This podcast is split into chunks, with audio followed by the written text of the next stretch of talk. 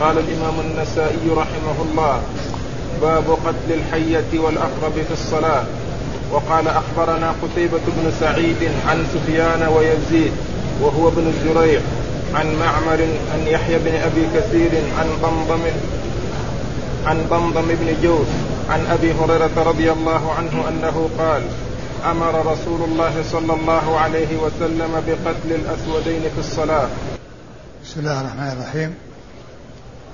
الحمد لله رب العالمين وصلى الله وسلم وبارك على عبده ورسوله نبينا محمد وعلى آله وأصحابه أجمعين. أما بعد يقول النسائي رحمه الله باب قتل الحية والعقرب في الصلاة. آه، أورد النسائي تحت هذه الترجمة حديث أبي هريرة رضي الله تعالى عنه أن النبي عليه الصلاة والسلام أمر بقتل الأسودين في الصلاة والمراد بالأسودين الحية والعقرب. وقتلهما والمصلي في صلاته إذا كان لم يترتب على ذلك انحراف ومتابعة وملاحقة لهذه الحية أو العقرب فإن الصلاة صحيحة في مثل لو أنه ضربها وهو وهي في قبلته أو تقدم قليلا فإنه يستمر في صلاته. لكنه إذا انصرف وانحرف ولحقها يمينا أو شمالا وانحرف عن جهة القبلة أو ذهب إلى الوراء فإنه يقطع صلاته ويستأنفها من جديد ولا يبني عليها لأنه قطعها بهذا الفعل. أما كونه يقتل الحية والعقرب وهي في قبلته أو يمشي قليلا إلى جهة اليمين أو إلى جهة الشمال أو إلى جهة الأمام وهو في اتجاه إلى القبلة ويقتلها فإنه على صلاته ويستمر فيها. والنبي صلى الله عليه وسلم رخص بهذا العمل في الصلاة لما يترت لما فيه من المصلحة ولأنه أيضا آه، قليل عمل قليل في الصلاة. لكن إذا كان الأمر يتطلب ملاحقة للحية والعقرب لا سيما إذا انحرف عن جهة القبلة واتجه إليها ولحقها يمينا أو شمالا أو من الخلف بحيث يستقبل القبلة فإنه يستأنف صلاته ولا يبني على ما مضى. وأما إسناد الحديث فيقول النسائي أخبرنا قتيبة أخبرنا قتيبة هو ابن سعيد بن جميل بن طريف البغلاني ثقة ثبت أخرج حديثه وأصحاب الكتب الستة.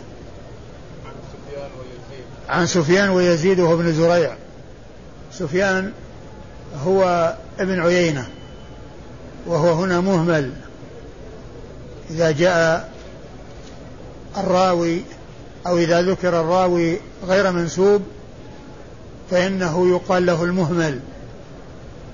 ومعرفة المهمل أو تمييز المهمل عن عن غيره ممن يشاركه في هذا الاسم بمعرفة الشيوخ والتلاميذ. وكون هذا التلميذ أخذ عن هذا الشيخ فقط ولم يأخذ عن الثاني فإنه بذلك يتبين من هو الشخص الذي ذكر مهملا لم ينسب. وهنا سفيان غير منسوب لكنه يحمل على ابن عيينة لأن قتيبة ما روى عن سفيان الثوري وإنما روى عن سفيان بن عيينة. فيكون هذا المهمل قد عرف بالتلميذ الذي روى عنه وأنه ممن روى عن ابن عيينة ولم يروي عن الثوري إذا لا يكون هو الثوري سفيان وإنما يكون ابن عيينة. الحاصل أن المهمل آه، يعرف آه، آه، يميز بمعرفة الشيوخ والتلاميذ بكونه روى عنه مثلا هذا التلميذ وما روى عن الآخر أو أن شيخه الذي روى عنه ما روى عنه الآخر أو يكونان آه، اشترك في التلاميذ والشيوخ ولكن أحدهما يكون أكثر اتصالا لكونه ملازم ملازما له ولكونه من أهل بلده والآخر ليس من أهل بلده فإنه يحمل على من يكون له ملازمة. وهنا قتيبة روى عن ابن عيينة وما روى عن الثوري. إذا عرف أنه ابن عيينة. هذا المهمل الذي لم ينسب ابن عيينة. وابن عيينة آه، آه، المكي هو ثقة أخرج حديثه أصحاب الكتب الستة. عن؟ ويزيد. وهو بن زريع البصري. وهو ثقة ثبت أخرج حديثه أصحاب الكتب الستة. وكلمة هو بن زريع الذي قالها هو من دون من دون النسائي من دون قتيبة. قتيبة يروي عن؟ قتيبة يروي. عن من؟ قال أخبرنا قتيبة عن سفيان ويزيد. نعم. قتيبة روى عن سفيان ويزيد. وعلى هذا فإن الذي قاله هو ابن زريع ليس هو قتيبة لأن قتيبة لا يحتاج إلى أن يقول هو ابن فلان. وإنما ينسبه كما يريد لأنه شيخه.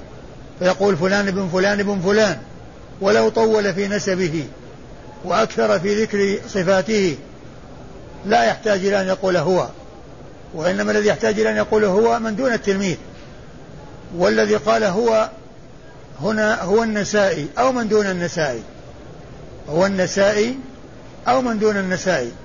هو الذي قال هو. أما قتيبة فإنه لا يحتاج إلى أن يقول يقولها بل ينسب شيخه كما يريد ويزيد بن زرار ثقة ثبت أخرج حديثه أصحاب الكتب الستة.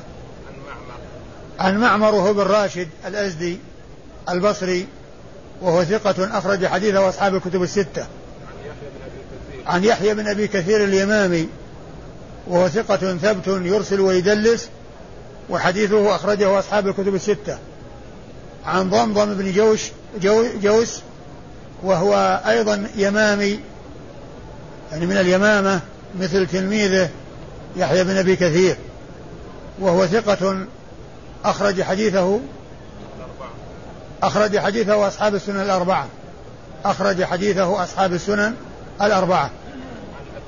عن أبي هريرة عبد الرحمن بن صخر صاحب رسول الله صلى الله عليه وسلم عبد الرحمن بن صخر الدوسي وهو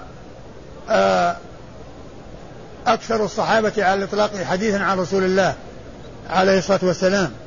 لم يروي أحد من الصحابة مثل ما روى أبو هريرة في كثرة الحديث وذلك لملازمته للنبي صلى الله عليه وسلم وكونه أيضا ظفر بدعوة النبي عليه الصلاة والسلام له بأن يحفظ وكذلك أيضا كونه عاش في المدينة و آه، آه، يلتقي به من يأتي إليها ومن يمر بها فيأخذ عنه ويعطيه فكان لذلك هو أكثر الصحابة آه، رواية عن رسول الله صلى الله عليه وسلم. قال أخبرنا محمد بن رافع قال حدثنا سليمان بن داود أبو داود قال حدثنا هشام وهو ابن أبي عبد الله عن معمر عن يحيى عن ضمضم عن أبي هريرة رضي الله عنه أن رسول الله صلى الله عليه وسلم أمر بقتل الأسودين في الصلاة. ثم أورد النسائي حديث أبي هريرة من طريق أخرى وهو بلفظ الأول أمر رسول الله صلى الله عليه وسلم بقتل الأسودين في الصلاة. هو نفس المتن السابق. لكن اختلف الإسناد في بعضه. اختلف الإسناد في بعضه بل في أوله دون آخره. والإسناد هو أخبرنا محمد بن رافع وهو القشيري النيسابوري وهو من شيوخ مسلم الذين أكثر من الرواية عنهم. أكثر عنهم مسلم. وهو من بلده ومن قبيلته. فهو قشيري من حيث النسب ونيسابوري من حيث البلد. ومسلم قشيري نيسابوري ومسلم قشيري نيسابوري. فهو مثله بلدا ونسبا. محمد بن رافع القشيري النيسابوري. وهو ثقة عابد أخرج حديثه أصحاب الكتب الستة إلا ابن ماجه. أخرج حديثه أصحاب الكتب الستة إلا ابن ماجه. فإنه لم يخرج له شيئا. وقد أكثر عنه الإمام مسلم في صحيحه. وصحيفة همام بن منبه إذا ذكرها مسلم فإنه يذكرها عن طريق شيخه محمد بن رافع. الأحاديث التي انتقاها مسلم من صحيفة همام بن منبه والتي أخرجها في صحيحه هي من طريق شيخه محمد بن رافع. نعم. قال حدثنا سليمان بن داود أبو داود وهو الطيالسي وهو ثقة حافظ أخرج حديثه البخاري تعليقا ومسلم وأصحاب السنن الأربعة. قال حدثنا هشام هو ابن أبي عبد الله وهو الدستوائي.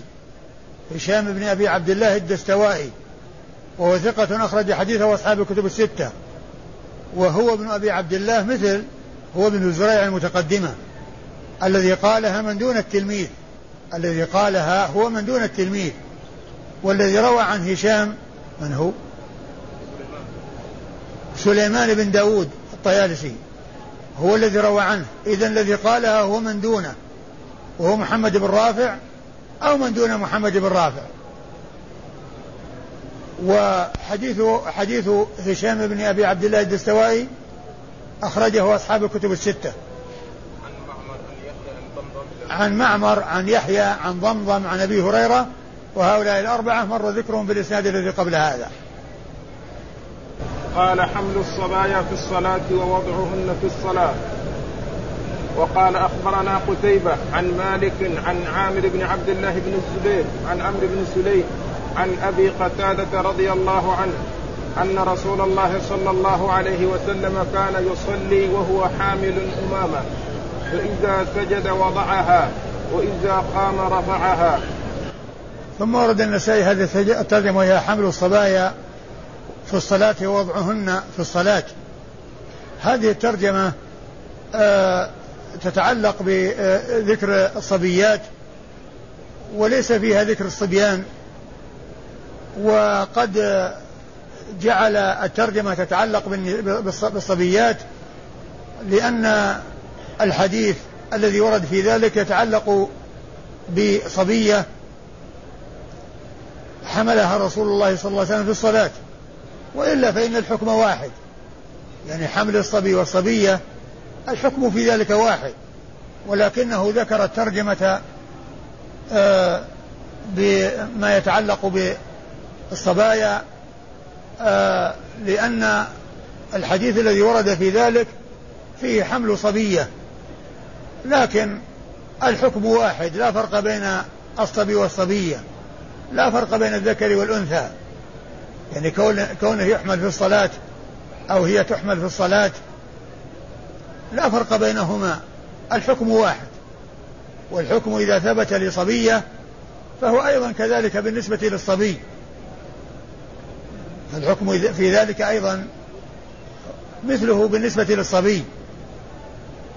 وقد أورد وقد أورد النسائي في ذلك حديث أبي حديث أبي قتادة الأنصاري رضي الله عنه أن النبي عليه الصلاة والسلام كان يصلي بالناس وهو حامل أمامة.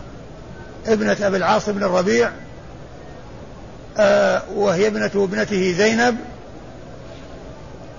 فكان يحملها في صلاته إذا قام فإذا ركع وضعها حتى ينتهي من السجود ثم يرجع فيحملها. وهذا يدلنا على جواز مثل ذلك عند الحاجة إليه عند الحاجة إليه. ويدلنا على ما كان عليه الرسول الكريم عليه الصلاة والسلام ما كان عليه من الشفقة والرحمة بالصغار والعطف عليهم والحنو عليهم والشفقة عليهم صلوات الله وسلامه وبركاته عليه. وهو يدل على أن مثل ذلك العمل جائز في الصلاة عند الحاجة إليه وأنه لا يفسد الصلاة. وأما إسناد الحديث فيقول النسائي أخبرنا قتيبة. ومحمد المثنى أخبرنا قتيبة. قتيبة قد مر ذكره. ومالك هو ابن أنس إمام دار الهجرة المحدث الفقيه الإمام المشهور أحد أصحاب المذاهب الأربعة من مذاهب أهل السنة. وهو الثاني منهم من حيث الوجود والزمن لأن أقدمهم في الزمن أبو حنيفة ثم الإمام مالك ثم الإمام الشافعي ثم الإمام أحمد.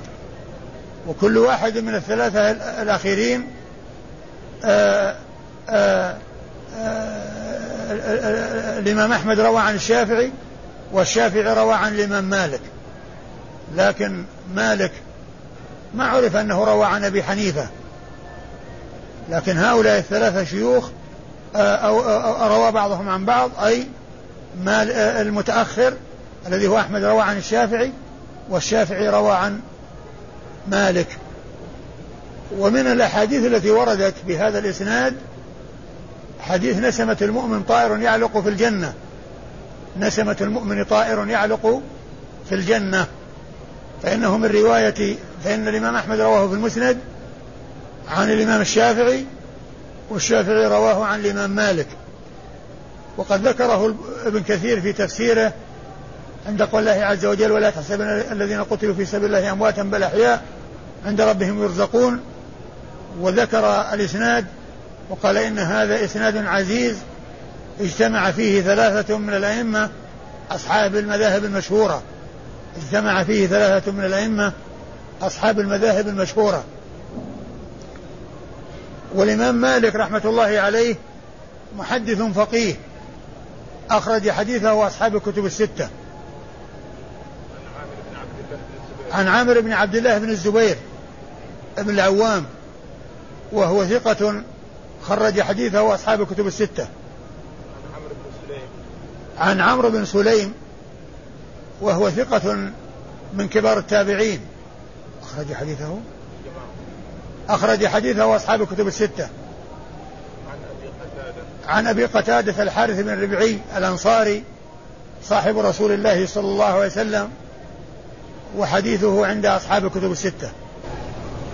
قال أخبرنا قتيبة قال حدثنا سفيان عن عثمان بن أبي سليمان عن عامر بن عبد الله بن الزبير عن عمرو بن سليم عن أبي قتادة رضي الله عنه أنه قال رأيت النبي صلى الله عليه وسلم يؤم الناس وهو حامل أمامة بنت أبي العاص على عاتقه فإذا ركع وضعها فإذا فرغ من سجوده أعادها. ثم ورد النسائي حديث أبي قتادة الأنصاري رضي الله عنه من طريق أخرى وهو متفق في أعلى الإسناد ولكنه يختلف في أوائل الإسناد وهو بمعنى الذي قبله وهو يتعلق بحمل النبي عليه الصلاة والسلام أمامة ابنة ابنته زينب وهو يؤم الناس في الصلاة. وكيفية ذلك؟ أنه كان في حال قيامه يحملها فإذا ركع وضعها وإذا فرغ من سجوده أعادها إلى ما كانت عليه من كونه حاملا لها. وإسناد الحديث يقول النسائي أخبرنا قتيبة وقد مر ذكره قال حدثنا سفيان هو بن عيينة كما عرفنا أن قتيبة إذا روى عن سفيان غير منسوب فالمراد بن عيينة ليس الثوري لأنه ما روى عن الثوري اللي هو قتيبة عن عثمان بن أبي سليمان ابن جبير بن مطعم وهو صدوق ولا ثقة؟ أخرج له من؟ أخرج له وهو ثقة أخرج له البخاري تعليقا و ومسلم وأبو داود والترمذي في الشمائل والنسائي وابن ماجه. أيوه. قال باب المشي أمام القبلة خطى خطى يسيرة. وقال أخبرنا إسحاق بن إبراهيم قال حدثنا حاتم بن وردان قال حدثنا بلد بن سنان أبو العلاء عن الزهري عن عروة عن عائشة رضي الله عنها أنها قالت استفتحت الباب ورسول الله صلى الله عليه وسلم يصلي تطوعا والباب على القبلة فمشى عن يمينه أو عن يساره ففتح الباب ثم رجع إلى مصلاه. ثم ورد النسائي هذه الثالثة وهي باب مشي المصلي آه، خطوات يسيرة. باب؟ باب المشي أمام القبلة باب المشي أمام القبلة خطا يسيرة. يعني كون المصلي يمشي إلى جهة الأمام إلى جهة قبلته إلى جهة القبلة خطى يسيرة. يعني أن ذلك لا مانع منه وأنه لا يؤثر في الصلاة شيئا. وهذا مثل ما جاء في وهذا كما جاء في الحديث أن عائشة استفتحت الباب والنبي صلى الله عليه وسلم يصلي في الحجرة وكان الباب في قبلتها أو في قبلته فمشى يعني آه، آه، خطوات يمينا أو شمالا. يعني معناها أن الباب كان في أحد إحدى الناحيتين من جهة الأمام. إما من جهة اليمين وإما من جهة اليسار.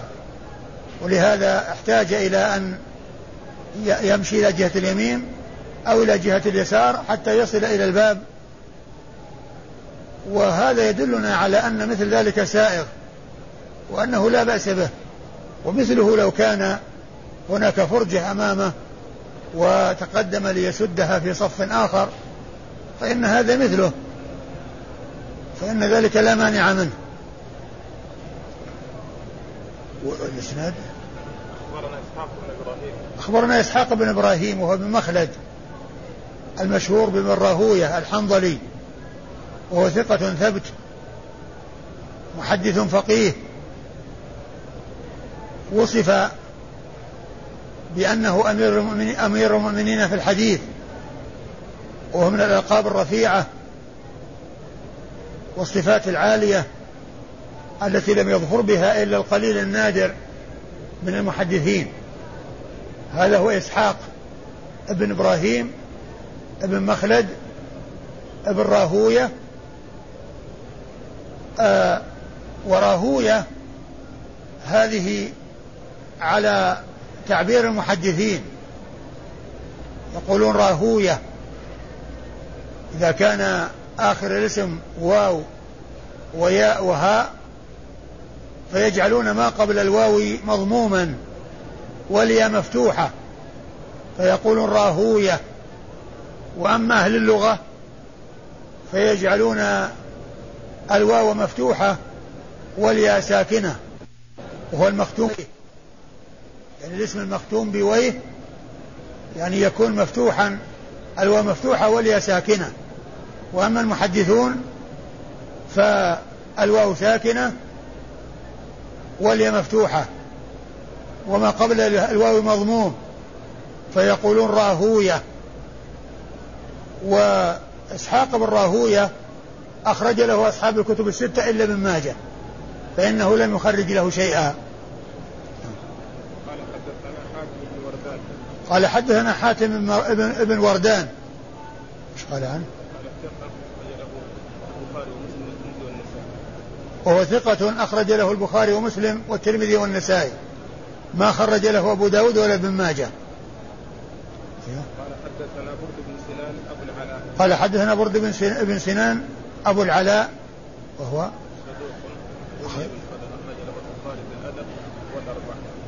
وهو صدوق رمي بالقدر أخرج له البخاري في الأدب المفرد وأصحاب السنن الأربعة.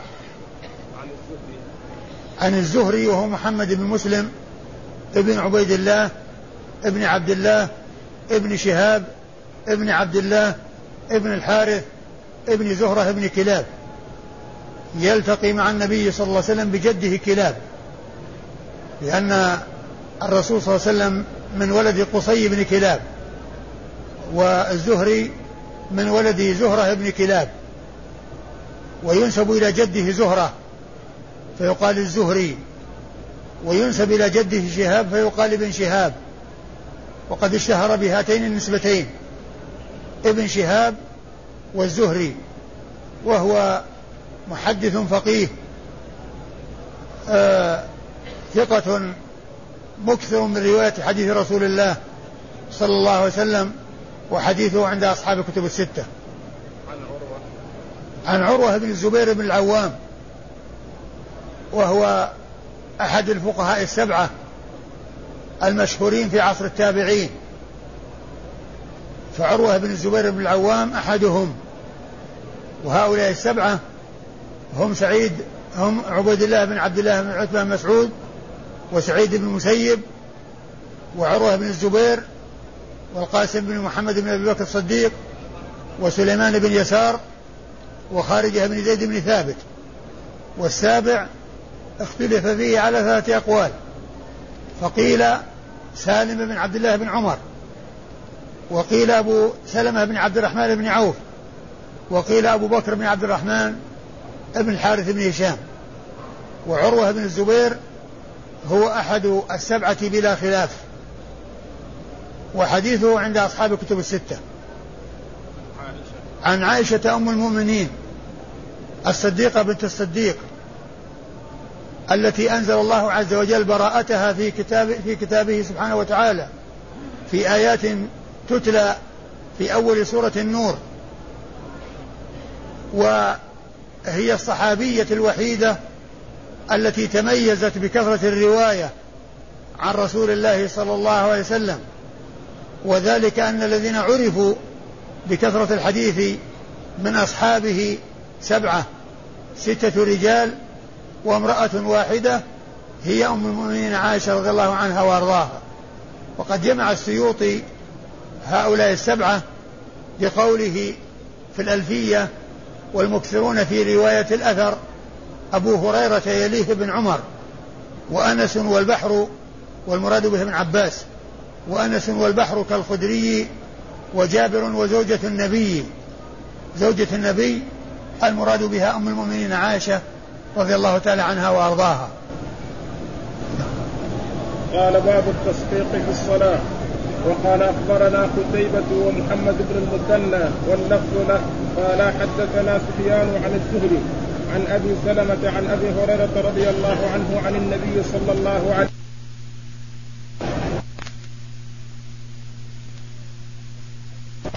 زاد ابن المثنى في الصلاة. ثم ورد النسائي هذه الترجمة هي التصفيق, في الصلاة. أي التصفيق للنساء. يعني إذا ناب الإمام شيء واحتيج إلى آه، تنبيهه عليه فإن النساء تفعل التصفيق ولا تسبح بل التسبيح للرجال. يقولون سبحان الله. وأما النساء فإنهن يصفقن ولا يسبحن عند تنبيه الإمام على شيء فيما إذا نسي فإنه فالرجال يقول سبحان الله والنساء تصفق. الرجال لا يصفقون والنساء لا تسبح في الصلاة. يعني عند عند تنبيه عند تنبيه الإمام. عند تنبيه الإمام على سهو حصل منه أن الرجال يسبحون والنساء يصفقن والحديث أورده النسائي من طريق الشيخين وزاد أحد الشيخين وهو محمد المثنى في الصلاة. وقد سبق أن مر الحديث الذي فيه أن النبي عليه الصلاة والسلام لما تأخر عندما أصلح بين بني بني, بني عمرو بن عوف من الأنصار وهم أهل قباء وقد جاء وأبو بكر قد دخل في الصلاة فجعل الصحابة يصفقون لأبي بكر فلما أكثر من التصفيق التفت. ولما فرغ رسول الله عليه الصلاة والسلام قال ما بالكم تصفقون؟ إنما التصفيق التسبيح للرجال والتصفيق للنساء. إذا ناب الإمام شيء فيسبح الرجال وتصفق النساء. وهذا من الأحكام التي تميز بها يختلف فيها الرجال عن النساء. والأصل أن النساء مثل الرجال في الأحكام إلا إذا كان كانت الأحكام تخص النساء أو جاء شيء يفرق بين الرجال والنساء كما هنا حيث جعل التصفيق للرجال والتسبيح للرجال والتصفيق للنساء. فإن هذا مما اختلف فيه النساء عن الرجال في الأحكام. والمسائل كثيرة جاءت في الكتاب العزيز والسنة المطهرة منها الإرث فالمرأة على النصف من الرجل للذكر مثل حظ الأنثيين بالنسبة للبنات وللأخوات الشقيقات والأخوات لأب مع إخوانهن فإن للذكر مثل حظ الأنثيين. وكذلك في الشهادة. شهادة المرأة المرأتين تعد شهادة رجل. وكذلك تعاد شهادة رجل. وكذلك في العقيقة الغلام له شاتان والجارية شات. وكذلك أيضا في الدية. فإن المرأة على النصف من الرجل في الدية. وكذلك في فضل العتق. وأن من أعتق جاريتين كانتا فكاكا من النار ومن اعتق شخصا عبدا كان فكاكا من النار. فعتق الجاريتين يكون فيه فكاك الرجل من النار وعتق الرجل الواحد الذي هو العبد يكون فكاكه فكاكا من النار. فهذا فهذه الأمور الخمسة مما اختلفت فيها النساء عن الرجال. ومنها هذا الذي معنا ومثل ذلك أيضا الغسل من بول الجارية والنضح من بول الغلام والوقوف عند رأس الرجل وعند صدر المرأة في, الصلاة في وسط المرأة في الصلاة في صلاة الجنازة. وكذلك في تولي المناصب. النساء لا يتولين المناصب. وقد قال عليه الصلاة والسلام لن يفلح قوم ولوا أمرهم امرأة. الحاصل أن الأحكام يتساوى فيها الرجال والنساء إلا إذا جاء شيء آه، آه، إلا في الأشياء الخاصة في النساء أو الخاصة في الرجال أو ما جاء فيه نصوص تبين الافتراق بين الرجال والنساء في الأحكام.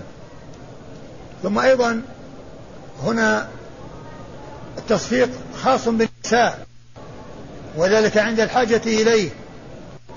وأما الرجال فإنهم لا يصفقون لا في الصلاة ولا في غير الصلاة.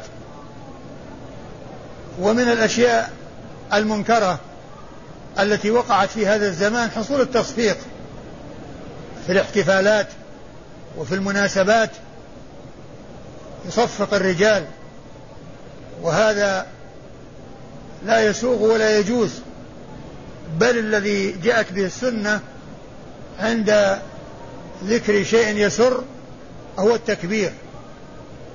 يعني عندما يذكر شيء يسر يظهر الفرح بالتكبير وليس بالتصفيق هكذا جاءت السنة عن رسول الله عليه الصلاة والسلام. فكما جاء في أحاديث أن الرسول صلى الله عليه وسلم قال أترضون أن تكونوا نصف أهل الجنة؟ قال فكبرنا. يعني قالوا الله أكبر الله أكبر. يعني فرحا وسرورا.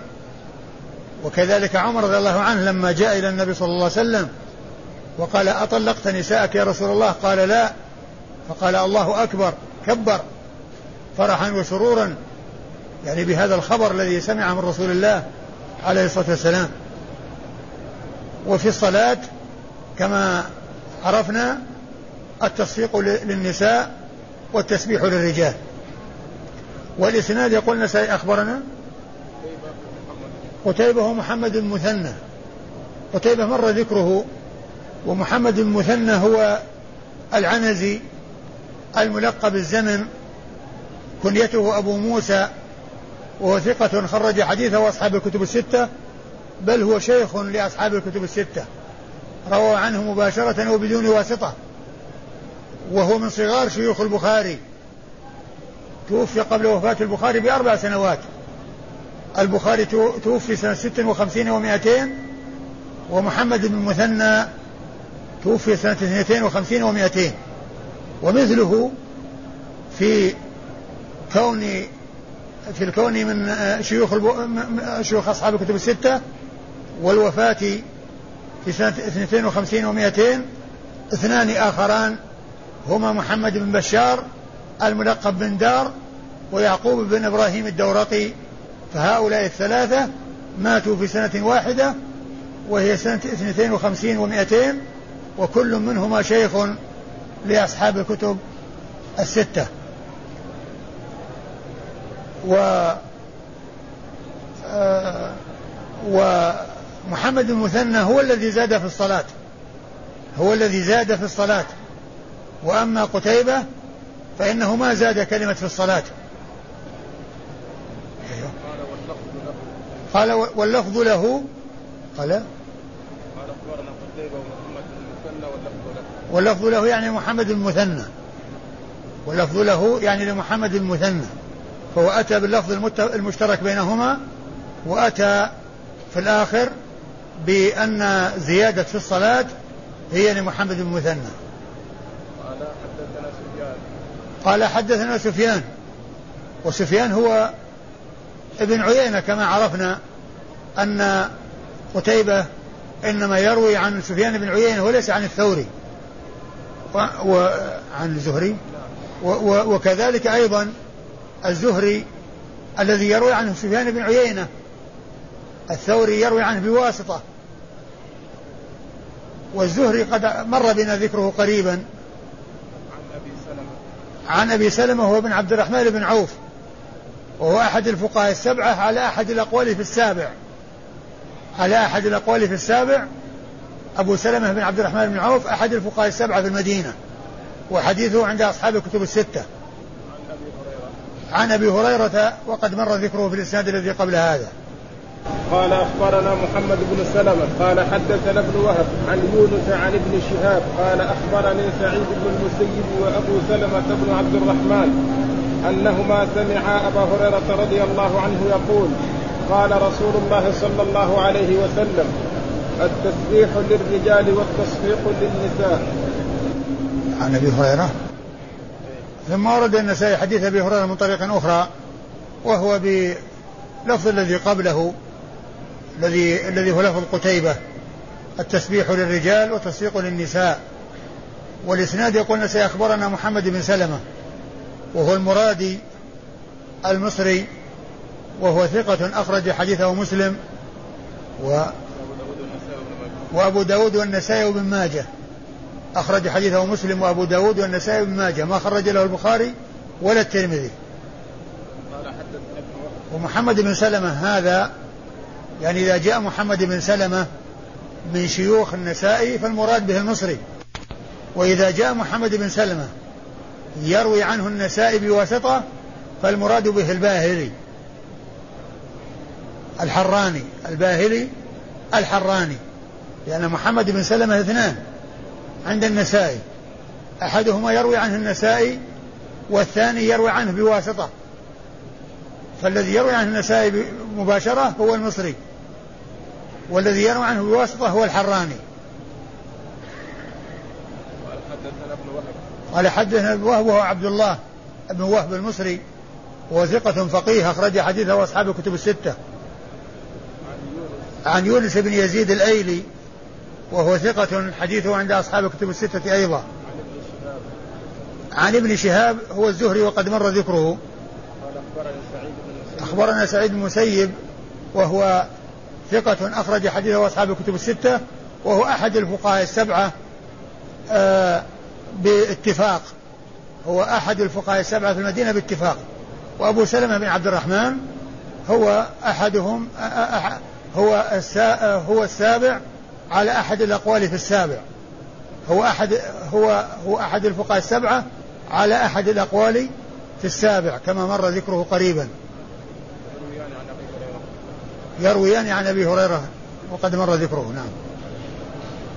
قال باب التسبيح في الصلاة وقال أخبرنا قتيبة قال حدثنا الفضيل بن عياض عن الأعمش قال وأخبرنا سويد بن نصر قال حدثنا عبد الله عن سليمان الأعمش عن أبي صالح عن أبي هريرة رضي الله عنه أنه قال قال رسول الله صلى الله عليه وسلم التسبيح للرجال والتصفيق للنساء. ثم ورد النسائي هذه الترجمة وهي التسبيح في الصلاة. أورد فيها حديث أبي هريرة من طرق وهي دالة على ما دل وهي مثل الذي تقدم في الباب السابق. فالترجمة السابقة وهي التصفيق في الصلاة. أورد تحتها حديث أبي هريرة وهو دال على التسبيح والتصفيق. وترجمة وهذه الترجمة التسبيح في الصلاة أورد فيها حديث أبي هريرة وهو دال على التسبيح والتصفيق معا. و واللفظ هو مثل اللفظ السابق ودال على ما دل عليه الطرق المتقدمة وهو أن التسبيح عندما ينوب الإمام شيئا في الصلاة هو للرجال والتصفيق للنساء. والتصفيق للنساء. أيوه. أخبرنا قتيبة. قد مر ذكره. قال حدثنا الفضيل بن عياض وهو ثقة عابد زاهد وحديثه أخرجه أصحاب الكتب الستة إلا ابن ماجه. عن الأعمش. عن الأعمش وهو سليمان بن مهران الكاهلي الكوفي وهو ثقة أخرج حديثه أصحاب الكتب الستة. والأعمش لقب آه اسمه اسم صاحبه سليمان بن مهران. وقد عرفنا فيما مضى أن ألقاب المحدثين معرفتها مهمة وهي ألا يظن الش... وفائدتها ألا يظن الشخص الواحد شخصين فيما لا ذكر باسمه مرة وبلقبه أخرى. من لا يعرف أن هذا لقب لهذا يظن أن سليمان شخص والأعمش شخص آخر. لكن من عرف أن سليمان بن مهران لقبه الأعمش فلا يلتبس عليه. إذا جاء سليمان في موضع وجاء الأعمش في موضع يعرف أن هذا هو هذا وهذا هو هذا. لكن من لا يعرف يظن الشخص الواحد شخص واحد شخصين. وحديث سليمان مهران الكاهلي الأعمش أخرجه أصحاب الكتب الستة.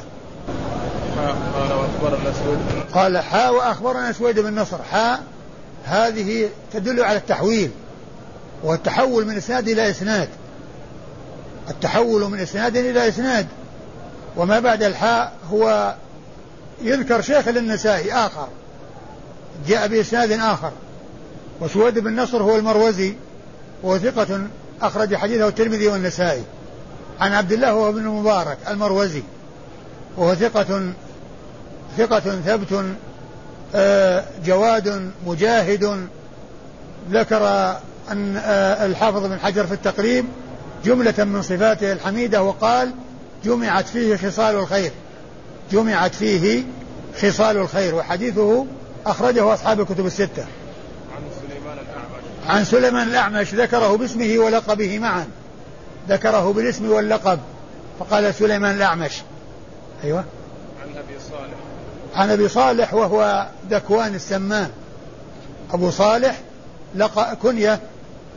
صاحبها اسمه ذكوان ولقبه السمان أو الزيات. قال له الزيات ويقال له السمان. ومشهور بكنيته يأتي ذكره كثيرا بالكنية. أبو صالح وهو المدني وهو ثقة أخرج حديثه أصحاب الكتب الستة.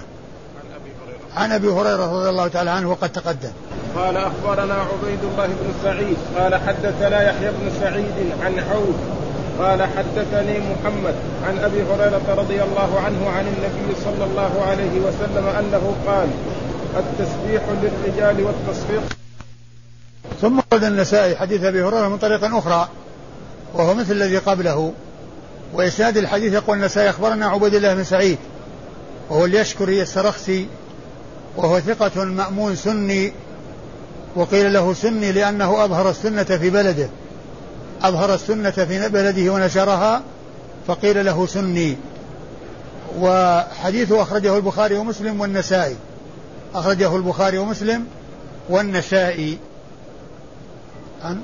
قال حدثنا يحيى بن سعيد وهو القطان البصري المحدث الناقد المعروف كلامه كثيرا في الرجال وحديثه أخرجه أصحاب الكتب الستة. عن عوف بن أبي جميلة الأعرابي وهو آه وهو ثقة أخرج حديثه أصحاب الكتب الستة. قال حدثني محمد قال حدثني محمد هو بن سيرين البصري وهو ثقة حديثه عند أصحاب الكتب الستة. عن أبي هريرة وقد مر ذكره والله أعلم وصلى الله وسلم وبارك. على عبده ورسول نبينا محمد وعلى آله وأصحابه أجمعين.